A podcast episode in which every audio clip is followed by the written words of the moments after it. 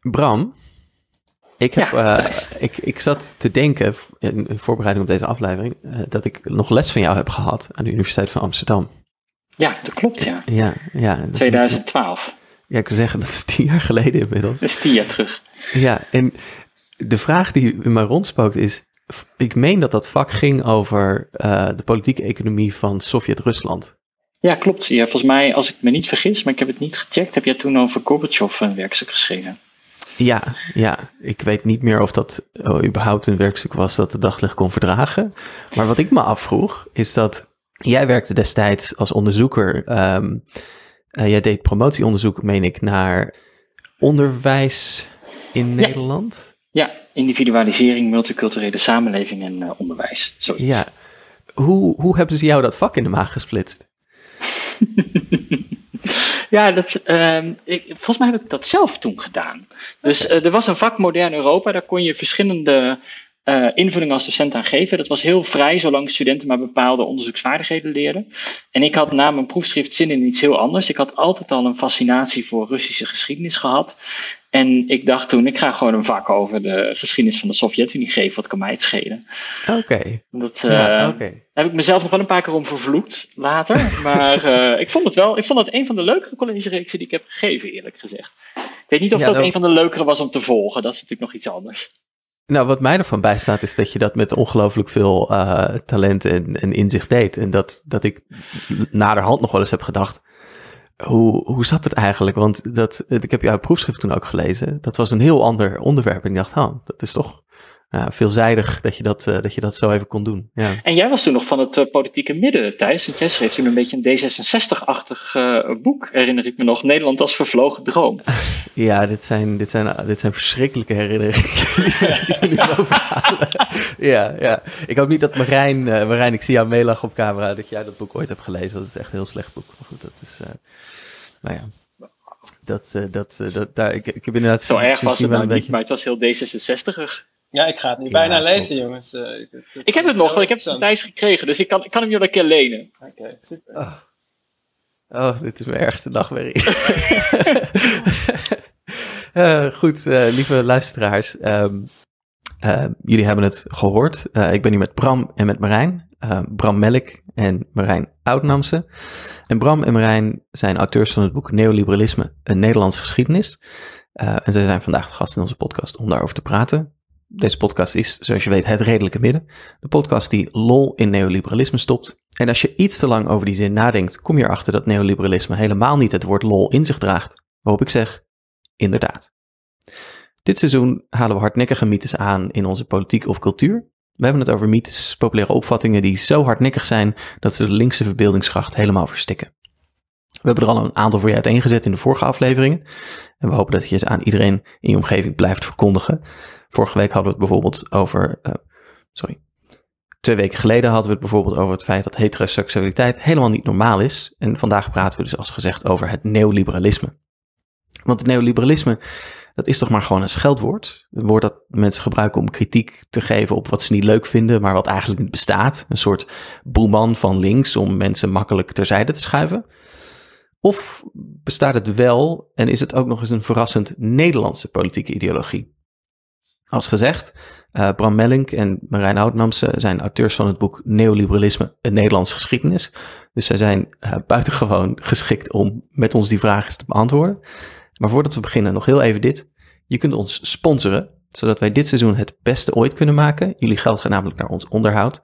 En als je erbij wil helpen, surf dan nu naar petje.af slash het redelijke midden. Voor 3 euro per maand krijg je toegang tot onze bonusafleveringen, onze maandelijkse livestreams en tot onze Discord vol met memes en kattenplaatjes. En als dat niet genoeg is, dan kun je ook nog gezellig meekomen luisteren bij de opnames. Uh, een kijkje in de keuken als het ware. Dan weet je ook wat er allemaal fout gaat en wat je dus niet hoort. um, dat allemaal dus voor maar 3 euro per maand. Voor 10 euro per maand krijg je precies hetzelfde, maar je krijgt ook de titel Salon Socialist. Um, we bedanken je dan wel even persoonlijk in de eerstvolgende aflevering. Mocht je nou deze aflevering heel goed vinden, dan kun je ons ook eenmalig steunen met een bedrag naar keuze als blijk voor die waardering. Daar zijn we ook heel erg blij mee. En natuurlijk, als je gewoon luistert, maar je hebt niet de mogelijkheid om ons te steunen, minstens zo belangrijk is natuurlijk om gewoon je linkse vrienden, je familie en je collega's te vertellen over onze podcast. Maak van je kennis een kameraad. Like, subscribe en deel op YouTube, Instagram en Twitter. Het betekent een hele hoop voor ons. Marijn en Bram, leuk dat jullie er zijn. Dank je wel. Jullie hebben 2,5 week geleden de boekpresentatie gehad van het boek Neoliberalisme, een Nederlandse geschiedenis. Ehm, dat is een heel interessante titel, want uh, zoals jullie zelf ook schrijven in jullie um, inleiding, mensen denken bij het neoliberalisme aan Margaret Thatcher en Ronald Reagan. Um, maar dat is eigenlijk een misvatting. hoe zit dat precies? Ja, uh, dat klopt. Uh, neoliberalisme wordt vaak met de jaren 70 en 80 geassocieerd. Zoals je zegt, uh, Reagan en Thatcher. Het wordt vaak als iets Brits en iets Amerikaans gezien. Veel minder als iets Nederlands. En het wordt dus als iets gezien van de laatste 40, 50 jaar. Maar het neoliberalisme is veel ouder. Het is niet ontstaan als reactie op de economische crisis van de jaren 70. Maar het is ontstaan mhm. als, de, uh, als reactie op de economische crisis van 1929.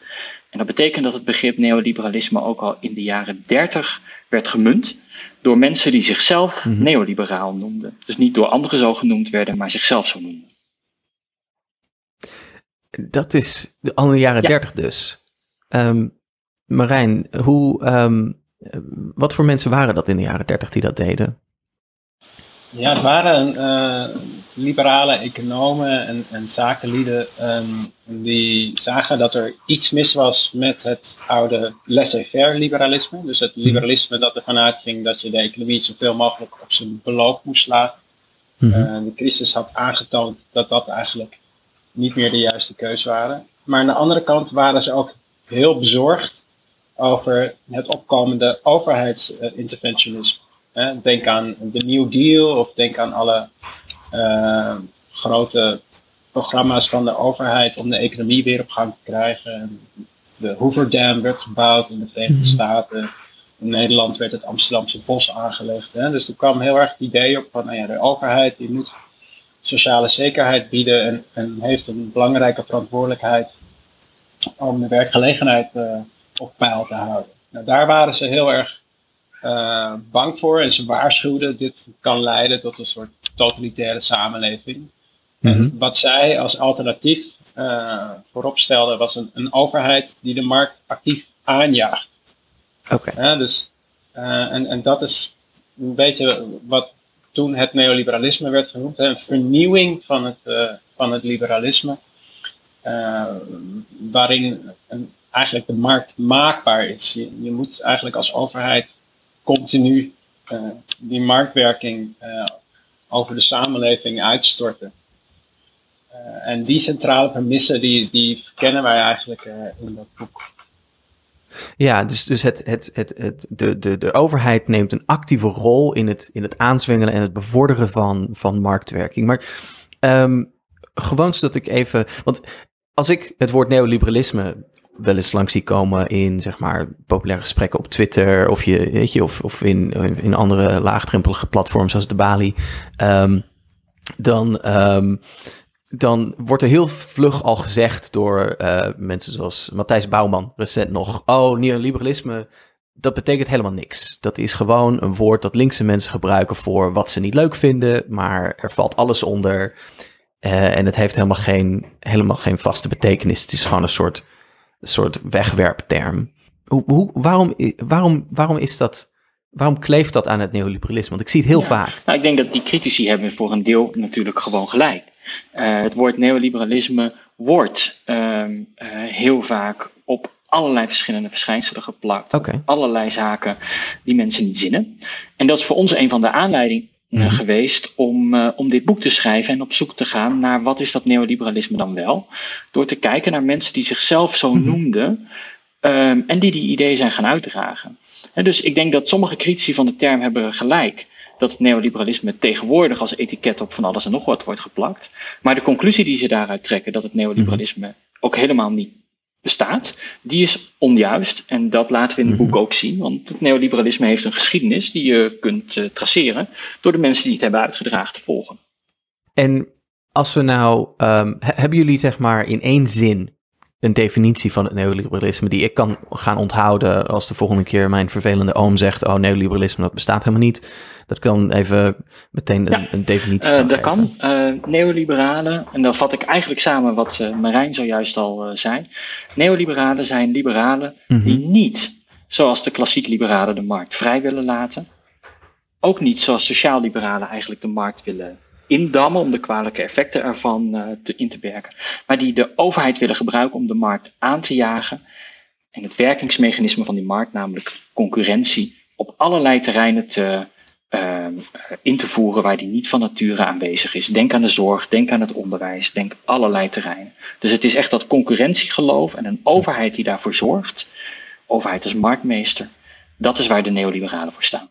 Ja, maar dan, dan niet de overheid als marktmeester die zeg maar ingrijpt, maar die echt erachter staat met, uh, met de megafoon en, en, en, en zeg maar de meut opzweept om het juiste gedrag, het juiste marktgedrag te gaan vertonen.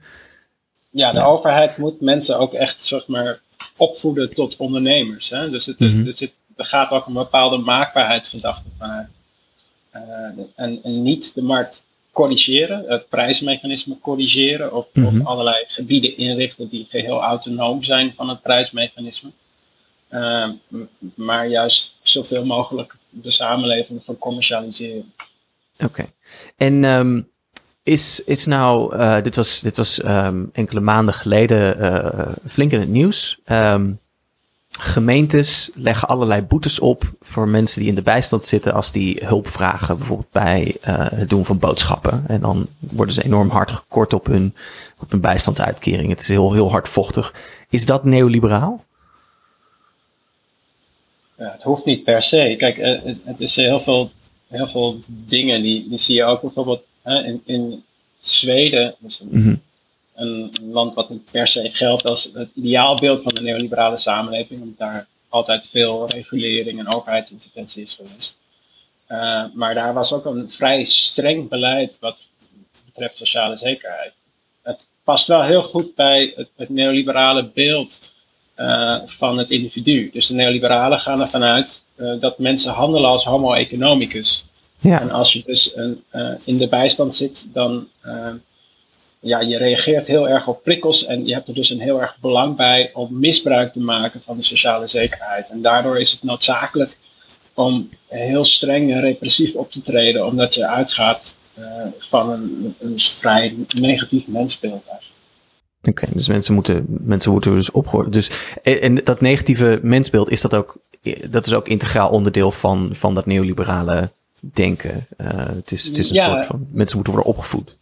Ja, precies. Je hebt, het, gaat, het, is, het is heel paradoxaal in de zin van, je hebt een, eigenlijk ga je uit van de homo economicus. Hè? Mm-hmm. Dus de, de mens is uh, een, een economisch denkend wezen en, en is in die zin rationeel en streeft voortdurend naar het maximaliseren van eigen belang. Uh, maar je richt ook de samenleving erop uh, in om mensen te prikkelen om, om je op die manier te gedragen. Hè? Dus mensen moeten voortdurend kleine nutjes en prikkels krijgen om hun eigen belang na te streven. En, en daardoor realiseer je ook de homo economicus via dat beleid. Ja, dus er zit een soort zelfversterkend of self-fulfilling prophecy idee eigenlijk, eigenlijk achter. Ja, dus als je, als je iemand, zijn, iemand woont in een huurhuis um, en als je dat huis zeg maar privatiseert en verkoopt, dan wordt zo iemand een huisbezitter. Ja. En dan blijkt ook heel concreet uit dat dat een verandering in, in politiek bewustzijn en in stemgedrag optreedt. En dat mensen dan rechtser gaan stemmen, uh, wat dan meer in lijn is met hun economisch eigen belang. Ja. Ja, dit was een van de belangrijke dingen die Thatcher ook, ook deed, maar die ook in Nederland gebeurde. Het, het, het, het, het, het verkopen van, het privatiseren van de sociale huurvoorraad en het volgens verkopen ervan. Ja. Um, Bram, ja, nee, ik denk dus dat, dat als je naar zo'n dit voorbeeld waar je mee begon van de bijstand kijkt, dat het dus inderdaad heel goed in een neoliberaal uh, mensbeeld inpasbaar is. Ook dat werken met prikkels. Mhm. Maar het belangrijke is natuurlijk dat als je het echt serieus wil nemen, het idee van het herleiden van is dit nou neoliberaal, dan moet je eigenlijk per beleidsdossier die stapjes terug afgaan om te kijken, hè, zijn de uiteindelijke uitkomsten hiervan, de beleidsuitkomsten, kun je dat ook koppelen aan neoliberale gedachten, kun je dat ook koppelen aan mensen die zelf dat neoliberalisme uitdragen. Mhm. En dat is eigenlijk de methode die we in uh, ons boek ook steeds hebben gevolgd. En die dit boek onderscheidend maakt ten opzichte van veel andere boeken.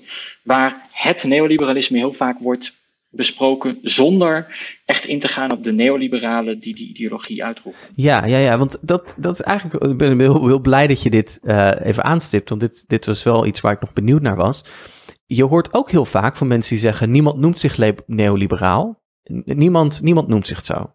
Uh, en dus bestaat het niet, want als mensen zich niet, zelf niet zo noemen, dan moet het dus iets anders zijn waar ze, um, waar, hoe, hoe ze denken of waar ze, waar ze mee bezig zijn. Um, en jullie laten zien dat er juist in die geschiedenis, met name net na de Tweede Wereldoorlog, een enorm eigenlijk gekrioel is van allerlei Nederlanders die eigenlijk, ja, dat is misschien ook alweer een beetje Nederlands, maar niet heel veel intellectuele slagkracht met zich meebrengen, maar wel heel veel organisatorische slagkracht. Dus die gaan allemaal conferenties organiseren en die halen een econoom als Friedrich Hayek naar, naar Nederland en die stoppen hem op een rondvaartboot. Um, en die zorgen voor financiering en al dat soort dingen. Um, kun je, kunnen jullie wat vertellen, uh, Bram, wellicht kun jij hier even op doorgaan, um, over die Nederlandse organisatorische tak van het organiseren van het neoliberalisme. Dus er zijn dus Nederlandse bedrijfslui en, en, en, en, en hoge pieven. Die denken na de Tweede Wereldoorlog dat met die Keynes, met die nieuwe economie, is helemaal niets. Uh, daar moeten we een stokje voor steken. Ja, zeker. Daar kan ik uh, met alle plezier zeg ik daar wat over. Kijk, om te beginnen, uh, Nederland heeft als het gaat op dit thema uh, neoliberalisme sinds de financiële crisis van 2008 echt onder een steen geleefd. in de dubbele zin van het woord. allereerst zijn gewoon in allerlei landen om ons heen en ook verder af, of het nou Canada is, of de Verenigde Staten, of Duitsland, of Groot-Brittannië, of nou, noem het maar op, tot Australië aan toe, zijn gezaghebbende academische boeken verschenen, waarin gewoon wordt aangetoond dat er zelfbenoemde neoliberalen zijn geweest vanaf de jaren 30, ook voor al deze landen afzonderlijk. Maar in Nederland bleef het stil. dus dat is heel opmerkelijk dat hier de hele tijd wordt gezegd dat neoliberalisme bestaat niet, terwijl echt uh, heel veel academische boeken, ook bij gezaghebbende uitgevers, laten zien dat dat onzin is.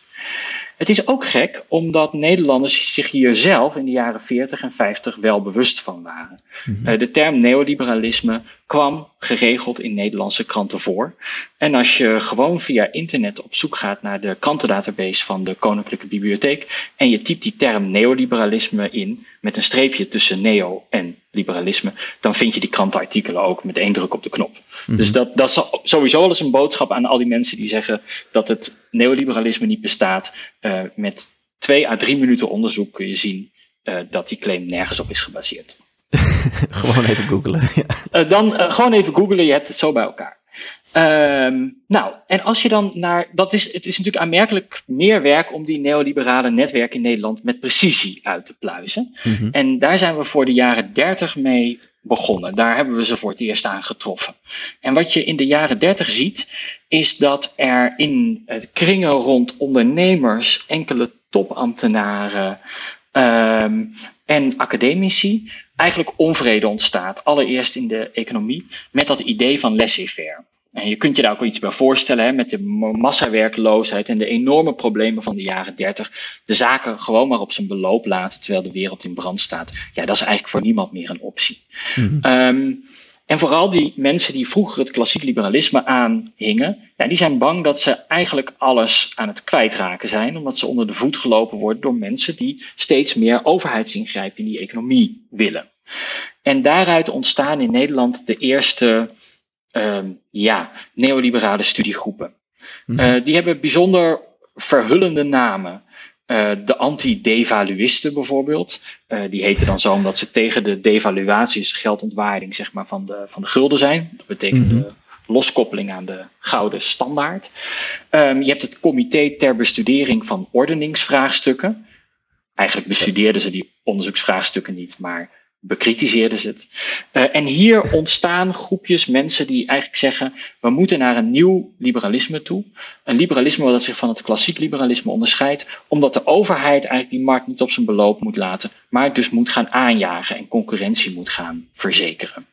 Mm -hmm. En uh, dit zijn kringen die vaak ook uh, veel overlap vertonen met de oerconservatieven die Nederlands-Indië wilde behouden. Dat is geen één op één relatie, maar relaties zijn er wel. Er zijn wat kleine, maar dat is nooit dominant geweest, maar wat kleine fascistische links. Hmm. Ehm, maar er zijn ook mensen uit bijvoorbeeld de anti-revolutionaire partij. Uh, enkele katholieken. Voorloper van het CDA? Voorloper van het CDA, sorry. Ehm, eh, mensen uit de rechterflank van de Katholieke Volkspartij, ook een voorloper van het CDA. En je ziet dus eigenlijk dat deze mensen uh, niet binnen uh, één politieke partij zitten, ook geen eigen politieke partij oprichten, maar eigenlijk streven naar om hun neoliberale denkbeelden in verschillende partijen gelijktijdig ingang te doen vinden. daar, daar wil ik zo meteen nog even wat meer over vragen. Over dat idee dat ze dus geen politieke beweging oprichten, maar eigenlijk veel meer via allerlei andere kanalen proberen dat, dat, uh, die opvatting um, ja, te, te, doen, te doen landen bij allerlei bestaande partijen en organisaties. Um, maar als ik nog heel even mag vragen over die, soort, die politieke plaatsbepaling. Want als ik aan neoliberalisme denk, dan denk ik toch best wel aan guur rechts. Het is een, het is een ondubbelzinnig rechtse beweging. Um, maar jij lijkt een beetje te suggereren dat het dus ook wel een, dat het qua politieke plaatsbepaling eigenlijk een beetje lastig is om ze helemaal precies in te delen. Um, ik kan me herinneren van Hayek dat Hayek is degene waarbij ik voor het eerst de gedachte aantrof dat zowel fascisme als communisme eigenlijk hetzelfde zijn, allebei even gevaarlijk. En dat dus de, die verdediging, ja, wij zijn de podcast het redelijke midden, maar dat Hayek dus eigenlijk zegt die verdediging die moet dus zich oriënteren op het midden. Is het ook zo dat die neoliberalen zichzelf dan zien als een soort, um, um, ja, een soort middenweg tussen uh, uh, laat maar waaien, laissez-faire economie en uh, linkse economie? Of, of is dat dan is dat te simpel gesteld? Ja, misschien moeten we eerst even, even Hayek introduceren. Ja, Hayek introduceren. Friedrich Hayek is een van die aanwezigen in de jaren dertig op die conferentie waar dat begrip neoliberalisme wordt gemunt en iedereen mag stemmen over hoe de, de beweging ter vernieuwing van het liberalisme moet worden genoemd. Uh, en uh, hij richt in, uh, in de jaren 40 de Mont Pelerin Society op. Ehm, dat gebeurt in een hotel in het idyllische bergdorpje Mont Pelerin in Zwitserland, nabij het meer van Genève. En daar komen dan ehm, door de jaren heen komen daar allerlei ja, neoliberale denkers samen die later uh, denktanks oprichten in de Verenigde Staten en Groot-Brittannië en het gedachtegoed van uh, Reagan en Thatcher mede vormgeven. En Hayek was zelf een Oostenrijker, maar uh, werkte een groot deel van zijn leven in Groot-Brittannië en de Verenigde Staten en geldt samen met Milton Friedman als um, een van de, de grote voormannen van het neoliberale netwerk. En zij werden in de, in de jaren 50 toch wel als, als best wel erg rechts gezien. Dus uh, je hebt wel de Duitse neoliberalen, de ordoliberalen, en die hadden een, een gematigder discours en een, uh, een, ook een gematigder politieke plaatsbepaling, ook omdat zij verbonden waren met de CDU, de Duitse Christendemocraten, die voor zichzelf een soort middenpositie zagen. En die hadden het dan ook over een derde weg uh, tussen het, het zeg maar laissez-faire kapitalisme en het socialisme. En dan heb je het over mensen als Wilhelm Rupke, dat was toen de tijd een, een, heel invloedrijke econoom, ook een van de grondleggers van het neoliberalisme, maar is later totaal in de vergetelheid geraakt. Uh, we hebben het nu gehad over de Duitse ordoliberalen. We hebben het gehad over Hayek, uh, professor aan de London School of Economics, die dus vanuit uh, het Verenigd Koninkrijk opereert. Um, hoe komen de Nederlanders op het spoor van deze figuren? Ja, eigenlijk doen ze dat al best vroeg. Um, je ziet in de jaren dertig dat men dus belangstelling heeft voor vernieuwing voor dat liberalisme. Uh, ze spreken dan nog niet het woord mm -hmm. neoliberaal uit. Dat wordt trouwens ook internationaal pas in 1938 in Parijs gemunt. In een bijeenkomst waar Hayek en Rupke mm -hmm. allebei bij aanwezig waren. Toen hebben ze zichzelf voor het eerst neoliberalen genoemd. Nederlanders kennen die term in de jaren 30 uh, nog niet. Um, maar zijn wel met vernieuwing van het liberalisme bezig in een heel vergelijkbare richting.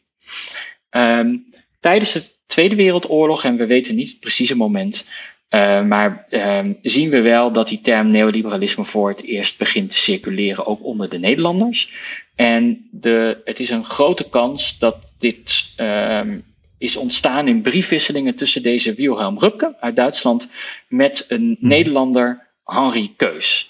En uh, Henri Keus die was uh, directeur van de Hengeloze elektrische en mechanische apparatenfabriek, de HEMAF. Dat is een hele mond vol. Maar het was een belangrijk uh, bedrijf, mhm. een groot bedrijf, zat in Hengelo, op het gebied van elektrotechniek. Een beetje zoals het Duitse Siemens. Huishoudelijke producten en treinen. Dat was een beetje de, de, de combi. En dus HEMAF bouwde met werkspoor de, de Nederlandse treinen. En uh, deze keus die had uh, sterke belangstelling voor politiek, kwam via briefwisselingen dus met uh, Rupke in contact. En uh, dat neoliberalisme van, van Rupke, daar, daar zag hij heel veel in.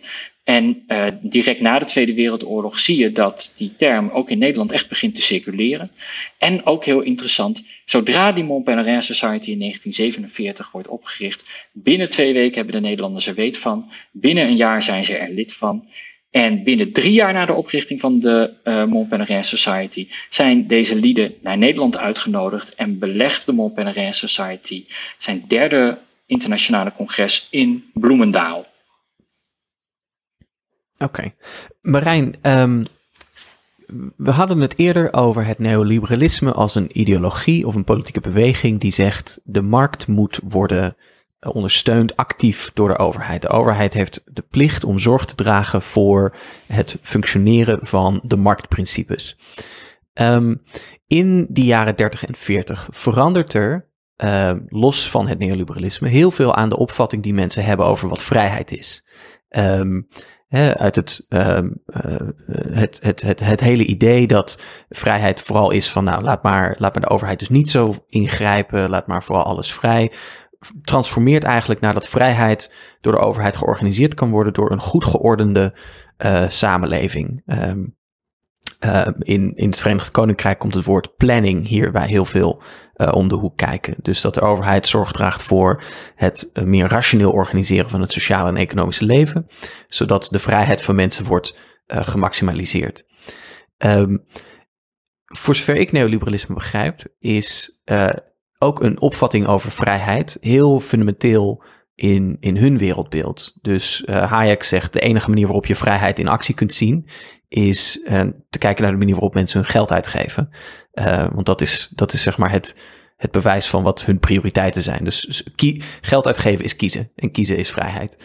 Um, kun je meer vertellen over, dus los van, van het neoliberalen willen de overheid gebruiken om de markt aan te moedigen.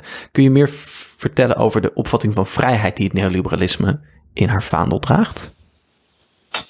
Ja, zeker. Um, kijk, uh, je ziet heel sterk uh, dat uh, het Koude Oorlogsdenken heel erg belangrijk is voor zowel Hayek als Friedman. Mm -hmm. um, en um, dat, dat, leidt er al snel toe dat ze een, een hele zwart-wit tegenstelling schetsen tussen collectivisme, hè, dus, mhm. dus, landen waarin de staat een belangrijke rol heeft in de economie, uh, waarbij dan Sovjet-Rusland eigenlijk uh, een grote voorbeeld is van de centrale planning. Uh, en, en een westerse vrije markteconomie, wat dan gelijkgesteld wordt met de democratie. en wat zij daarmee doen, is dat zij eigenlijk het, het marktmechanisme gelijkstellen met een, een democratische orde. En uh, als je daar dieper op ingaat, dan, dan zie je dat dat uh, in hun teksten dat zij dus eigenlijk stellen dat de overheid uh, is een plek waar eigenlijk vrij autoritair, top-down, centralistisch gedacht wordt. Mm -hmm. en waar heel veel persoonlijke voorkeuren helemaal niet terugkomen. Het marktmechanisme daarentegen is een plek waar, waar iedereen ieder het zijne kan krijgen. Ja.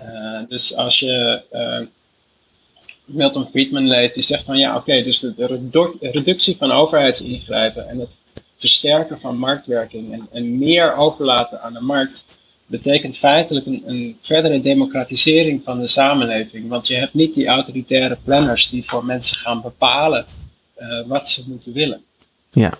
Uh, dus dat is een heel centraal uh, verandering. Dus je hebt eigenlijk je hebt een positief vrijheidsbegrip en een negatief vrijheidsbegrip. Hè? Dus het positieve vrijheidsbegrip is uh, de vrijheid om dingen te doen. Hè? Dus we, we hebben bepaalde middelen nodig uh, om ons te kunnen ontplooien. Denk aan sociale zekerheid, uh, denk aan allerlei sociale voorzieningen en zo. En je hebt negatief vrijheidsbegrip, dus de vrijheid van, de vrijheid van overheidsingrijpen. En zij benadrukken heel sterk dat negatieve vrijheidsbegrip. Van ja. Vrijheid is eigenlijk zo min mogelijk lastiggevallen uh, te worden door de overheid, die niet voor jou gaat bepalen welke keuzes jij gaat maken op de markt.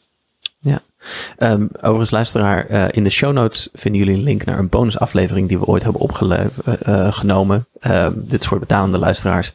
Um, over deze twee verschillende opvattingen van vrijheid. Als je daar nog eens wat verder je wil in verdiepen.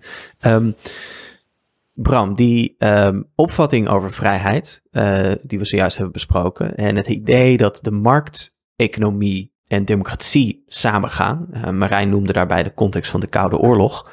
Uh, voor zover ik iets weet van het liberalisme voor het neoliberalisme, dus in de vroege 20e, maar vooral ook in de 19e eeuw, dan zijn er best wel veel liberale denkers die helemaal niet vanzelfsprekend denken dat de markteconomie en de democratie zo eenvoudig bij elkaar horen.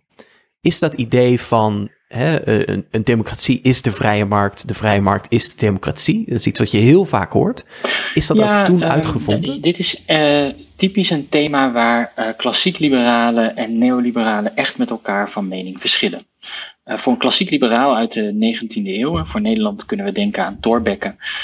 wat doet Thorbecke op het moment uh, dat hij iets aan staatsinrichting wil gaan doen en ook burgerlijke vrijheden wil waarborgen.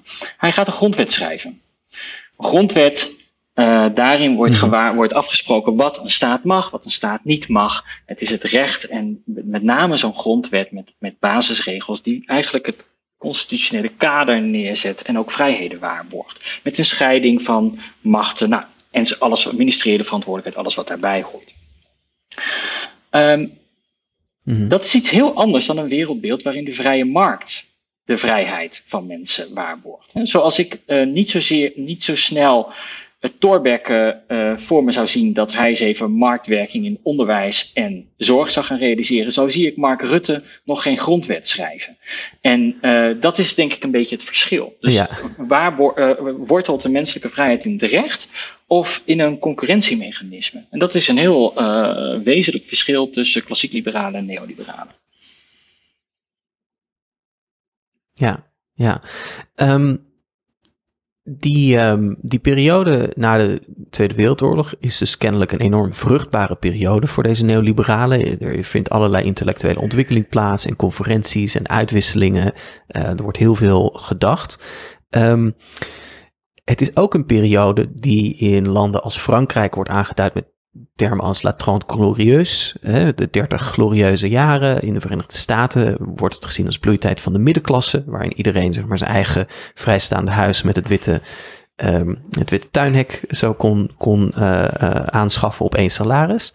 Um, in Nederland lijkt het echter ook een periode te zijn waar het karigheid troef was. Want er werd geloonmatigd en het was allemaal een beetje Calvinistisch. Is dat ook al meteen een invloed van het neoliberalisme? Is Nederland een soort uitzondering eigenlijk op die geschiedenis van de 20e eeuw, die veel mensen een beetje in hun hoofd hebben als van, oh ja, veel uh, grote staat, welvaartsstaat, ja, zeker. Uh, veel ehm, ingrijpen. sowieso zou, er eens interessant, zou het interessant zijn om eens internationaal vergelijkend onderzoek te doen. Vooral voor het Europese continent, om te kijken welke landen binnen dat patroon van de Trente Glorieus zouden passen en welke niet. Nederland is in ieder geval duidelijk een land wat niet in dat patroon past. Um, net als West-Duitsland trouwens. Nederland en West-Duitsland vormen een, uh, voeren een vergelijkbare okay. politiek in de jaren 50.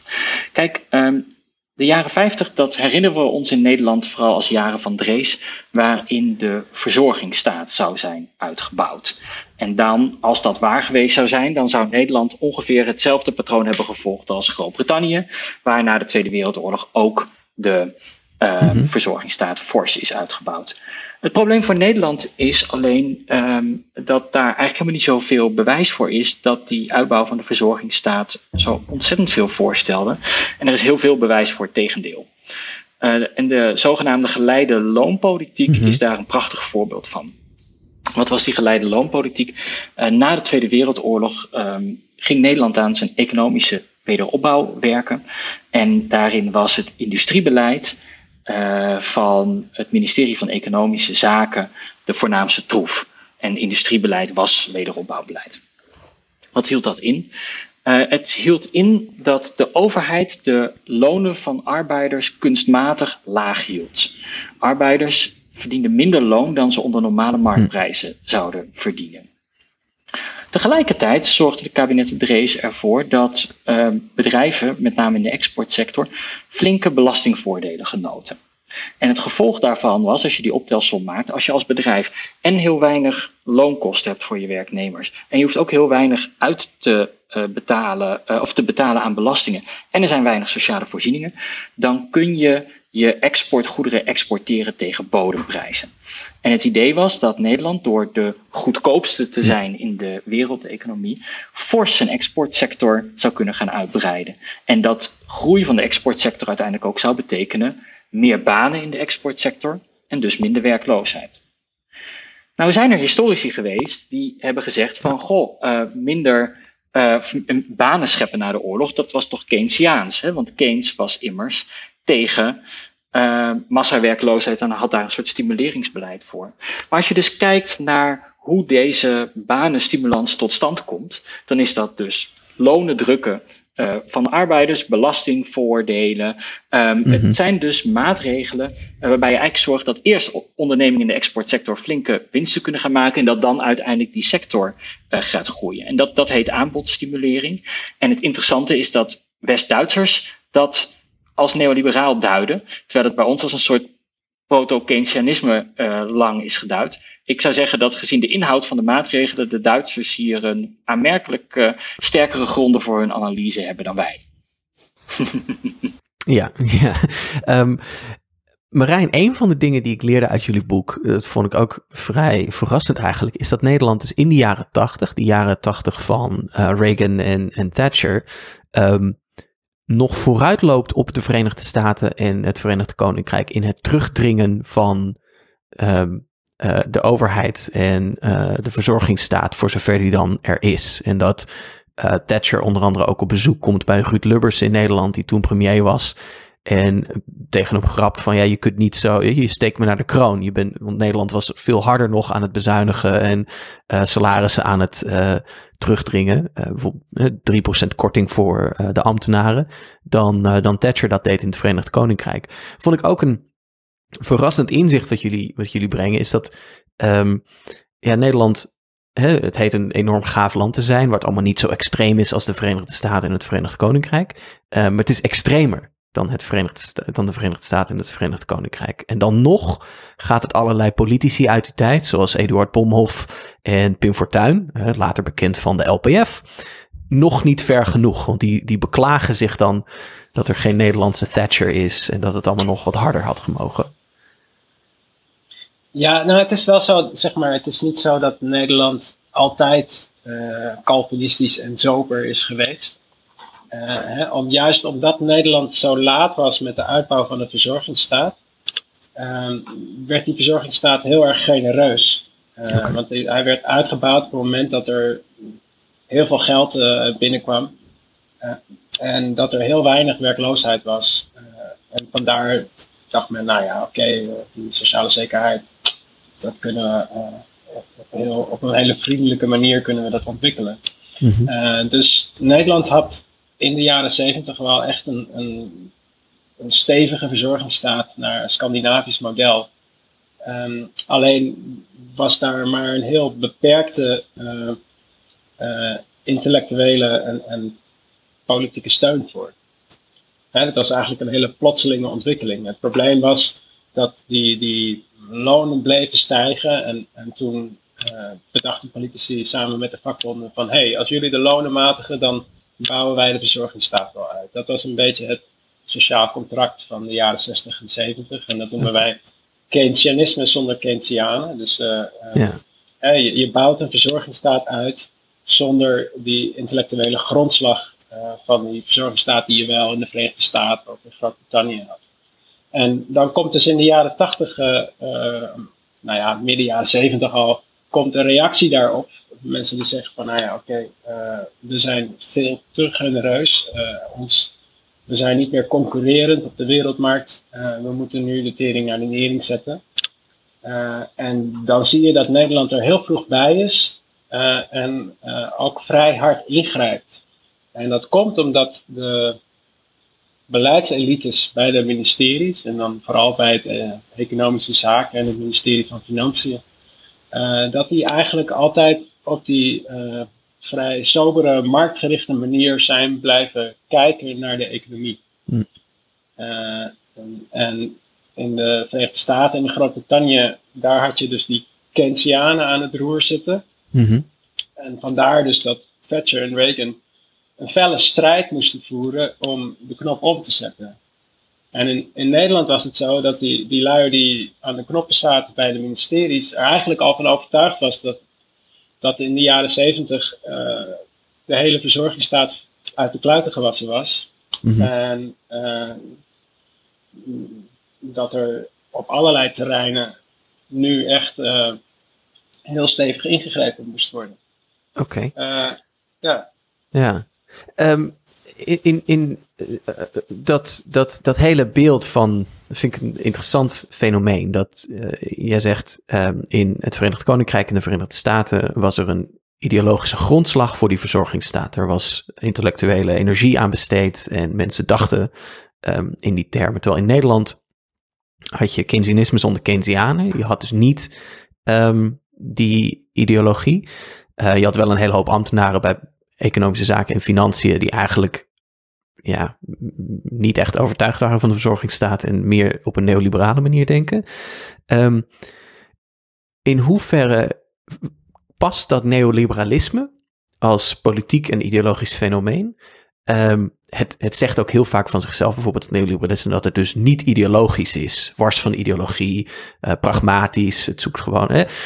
Um, in hoeverre past dat neoliberalisme op een soort um, op de Nederlandse bestuurscultuur. Van nou ja, dit, Nederlanders hebben gewoon altijd een beetje nuchter bestuurd. En nou ja, niet te veel ideologisch. Uh, gewoon uh, de economie een beetje goed verzorgen. Het, het gras aanharken, dat soort dingen.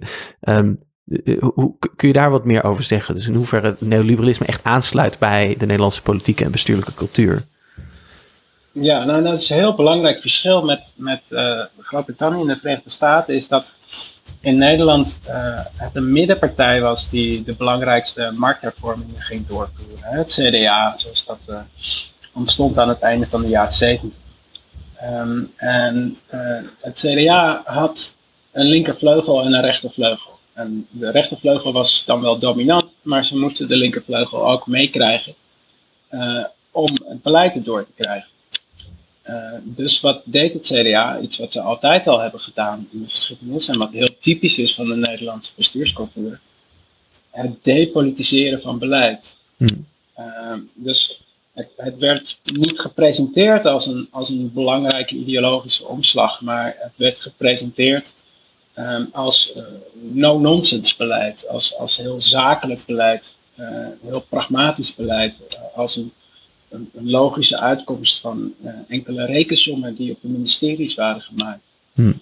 Uh, en op die manier uh, kon iedereen, kon ook de linkervleugel zich erin vinden. Want als het gepresenteerd was als een nou ja, belangrijke ideologische omslag, dan waren heel veel mensen gaan stijgen. Ja.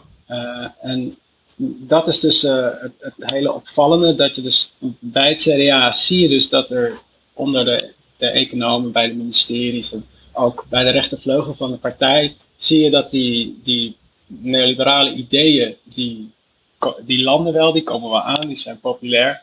Mhm. Ehm, maar het verhaal naar buiten toe is heel erg depolitiserend. Ja, en misschien ook ter, ter aanvulling daarop, op hoe die depolitisering dan werkt. Kijk, het mechanisme wat we heel vaak hebben ontwaard in deze geschiedenis laat zich een beetje vergelijken met wat we ten tijde van de coronacrisis met het Outbreak Management Team hebben gezien. Okay. wat politici daar deden, is eigenlijk uh, proberen de zaak enigszins ook te depolitiseren. Door te zeggen, we hebben hier een commissie van deskundigen, we gaan wachten op hun uit, spraken en dan voegen wij ons daarnaar. Dat heeft het kabinet niet helemaal tot het eind toe volgehouden, maar dat was aanvankelijk heel erg de toon.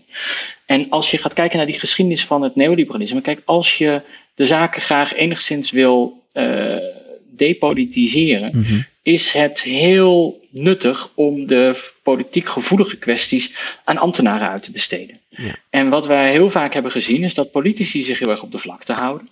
Uh, maar dat omdat politici zich op de vlakte houden en er toch besluiten moeten worden genomen, dat ambtenaren uh, in hele belangrijke mate de koers uitzetten. Ambtenaren vaak ook met economische expertise, die ook soms goed in dat neoliberalisme geschoold zijn en daar hele belangrijke besluiten over nemen. Hele belangrijke sleutelmomenten uh, zijn geweest, belangrijke besluiten zijn genomen. Dan zijn die besluiten heel vaak genomen door topambtenaren of een combinatie van topambtenaren en mensen uit het bedrijfsleven, die daarvan van kabinetswegen opdracht hadden gekregen om als commissie iets te onderzoeken.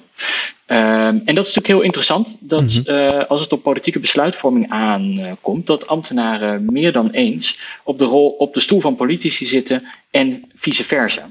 Ja, is, dus, dus die ambtenaren die spelen een heel, heel centrale rol. Want die, zijn, die gaan dus, de topambtenaren met name, die gaan ook naar die studiegroepen en die lezen de documenten die die studiegroepen, waar jullie het eerder over hadden, uh, produceren. En die raken daar dus enorm door beïnvloed. Um, uh, en die, die accepteren dat min of meer als hun wereldbeeld. En omdat ze dan door de politiek worden aangespoord om die besluiten maar te nemen, want de politiek wil de handen er niet aan branden, um, uh, verdwijnt dat ook eigenlijk in een soort ja, uh, interne sfeer van daar is niet zoveel democratische en publieke controle meer op. Nou, ik denk dat, dat een van de analyses in de jaren zeventig was dat de democratisering eigenlijk te ver was doorgevoerd. Hm. Eh, en dat eh, als er zoveel mensen zich bemoeiden met besluitvorming, dat je dan een inherente neiging kreeg om de bestedingen telkens weer op te voeren. Uh, dus uh, dat werd dan een pressiegroepen fenomeen genoemd. dus er waren allerlei pressiegroepen die politici onder druk zetten om meer en meer geld uit te, uit te geven. Mm en dat kon je, zeg maar, dat probleem kon je oplossen door veel meer een randvoorwaarde voor het beleid te gaan bepalen. Dus de, de technocraten, de experts bij de ministeries uh, gingen dan vooraf een advies uitbrengen over hoeveel een, overheid uh, mocht uitgeven uh, en waaraan het mocht uitgeven. Maar ook op welke terreinen het best kon worden geprivatiseerd. dus je ziet dat, dat tijdens dat bezuinigingsbeleid van de jaren 80 vooral, dat er heel veel beleidsinitiatief uh, naar de ministeries verschuift. Oké. En is dat, is, dat, dat lijkt me nog steeds wel min of meer het geval. Um, is dat ook misschien hoe. Stel, jullie moeten op basis van jullie um, onderzoek um, een tip geven aan linkse mensen. Over hoe zij net zo succesvol kunnen worden als de neoliberalen. Uh, wat zouden die tips uh, dan zijn? Is dat dus inderdaad richt een studiegroep op met een mooie Franse naam en nodig uh, topambtenaren uit om jullie, jullie documenten te lezen? Bram, ja, is, dat... In ieder geval, ja. Nou, het is in ieder geval dat je, dat je dus niet je richt op, op het, wat er onmiddellijk mogelijk is in het hier en nu, maar dat je veel meer gaat kijken van ja, maar wat zijn nu, wat zijn nou precies de kaders van het beleid en hoe kunnen we op langere termijn uh, de verhoudingen uh, dermate veranderen dat er een geheel ander beleid komt. Dus dat is een soort van het, knappen van wat uh, Friedrich Hayek en Milton Friedman in de jaren 40 en 50 voornemen. Zij stellen van ja, oké, het heeft geen zin om nu, nu er zoveel overheidsinterventie is, om een beetje te gaan in de marge te gaan interveneren. Nee, we moeten zeg maar op het moment dat er een crisis is, moeten we zorgen dat de knop helemaal omgaat. En daarvoor moeten we de ideeën hebben klaar Uh, en ik denk dat dat wel een heel uh, belangrijk ding is om te kunnen leren. Is van, van dat je als linkse politicus uh, niet enkel kleine procentpuntjes hier en daar moet willen veranderen. Maar echt een soort van systeemanalyse moet hebben. En, en er namelijk streven om om het hele systeem als zodanig te veranderen. En dat er dan veel meer ruimte komt voor een progressief Dus het is een project van, van lange adem. Ja, ik, ik, wat mij betreft is, dat wat Marijn nu zegt een hele belangrijke boodschap, met name aan linkse politici in Den Haag. Als je het hebt over de kant van links, die juist heel erg in de systeemtheorie zit en heel kritisch is op het kapitalisme enzovoort. Tegen die groep zou ik juist zeggen: wat je van de neoliberalen kunt leren is dat ze vaak, um, ze hebben steeds dat grotere doel wel voor ogen gehad, wat Marijn net aangaf. Hè. Andere kaders, uh, op een andere manier naar politiek kijken. Maar ze zijn klein begonnen. Uh, ze zijn klein begonnen door eerst maar eens ideetjes uit te testen. Uh, met elkaar in gesprek te gaan. Dat geleidelijk aan uit te bouwen, verder te doordenken. Het was niet dat er in 1947 in Montpellier een masterplan klaar lag. En ik denk dus ook dat als je het neoliberalisme succesvol wil kunnen aanvechten, uh, dan is het heel belangrijk om bij het begin te beginnen. Dat betekent dus allereerst um, weten wat dat neoliberalisme is. Uh, waar het vandaan mm komt. Niet alleen wat voor effect het vandaag heeft, maar waar het vandaan komt en waar je, tegen, waar je dus tegen strijdt. En vervolgens um, ideeën op deelgebieden gaan um, ontwikkelen. en kijken waar die elkaar kunnen versterken. Want ik denk dat links heel lang kan gaan uh, wachten en duimen draaien als uh, het enige doel is een overkoepelende analyse waarin alles samenvalt. Die analyse kan er wel komen, uh, maar met bouwsteentjes en niet vanuit het niks als geheel opgetrokken. Zo hebben de neoliberalen dat ook niet gedaan. Oké, ik denk dat dat een uh, heel goede suggestie is. Uh, klein beginnen en vanaf daar steeds een beetje verder. Met name ook de geschiedenis van het neoliberalisme goed kennen. ik hoop dat, ik wil jullie heel erg bedanken voor jullie uiteenzetting, Bram en Marijn, in deze podcast. Ehm, maar er is natuurlijk veel meer nog in jullie boek, Neoliberalisme, een Nederlandse geschiedenis. Um, met daarin bijvoorbeeld ook iets wat nog niet aan uh, de orde is gekomen um, in, in, in deze podcast. Uh, een, een hoofdstuk over hoe die uh, nationalisten en populisten van de recente politieke geschiedenis en neoliberalisme ook zelf omarmen en in stand houden. Dat is een hoofdstuk dat jullie samen hebben geschreven met Naomi Woltering. Um, dus ik kan alle luisteraars heel erg aanraden om dat boek absoluut aan te schaffen en zich verder te gaan verdiepen. En rest mij dan jullie vooral uh, heel hartelijk te bedanken en ook veel succes te wensen met uh, de komende weken en maanden, waarin jullie ongetwijfeld op veel plekken over jullie boek uh, zullen mogen gaan spreken. Dus dat is, nou, dat is een mooi vooruitzicht, denk ik. Een, een, een leuke linkse zomer voor jullie. Laten we daarvoor gaan. Ja. Dank je, Thijs. wij ook wel. Ja. Oké, heel goed. Dan is eigenlijk het enige wat mij nog rest, lieve luisteraar, goede kameraad, om uh, jullie te herinneren aan het redelijke midden van deze week. Uh, het redelijke midden komt van onze luisteraar Eleonora uit onze Discord. Als jullie zelf ook naar petje.af slash het redelijke midden gaan, dan kunnen jullie ook ons een maandelijkse bijdrage geven en lid worden van die Discord. En meedenken over wat het neoliberalisme van deze week is. Vandaag dus, deze week, met dank aan Eleonora. Ik heb hem een heel klein beetje herschreven, maar ik hoop dat me dat wordt vergeven. Het redelijke midden van deze week is dat een fusie tussen een linkse en een neoliberale partij funest is voor de sociaaldemocratie. En daarom zijn wij opgelucht dat nog de PvdA, nog GroenLinks met een linkse partij dreigt te fuseren. Luisteraar, heel erg bedankt. We verwelkomen jullie heel graag weer over twee weken. Uh, Marijn, Bram, ongelooflijk bedankt. Ik ga nog één keer de titel van jullie boek zeggen. Neoliberalisme, een Nederlandse geschiedenis. Um, het ligt nu in de boekhandel, dus uh, haast je er naartoe. Um, en, uh, en verdiep je. Het is competitief geprijsd. Competitief geprijsd, heel goed. We hadden eigenlijk nog even moeten ingaan op de vraag of de, of de Nederlandse wet op de vaste boekenprijs uh, neoliberaal is of juist niet. Maar goed, dat, dat komt. Dat, dat is misschien voor, voor een gesprek in de kroeg een keer. goed.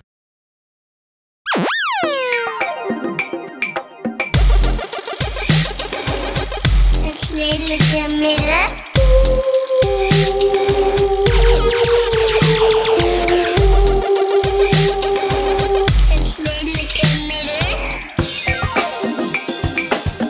De podcast.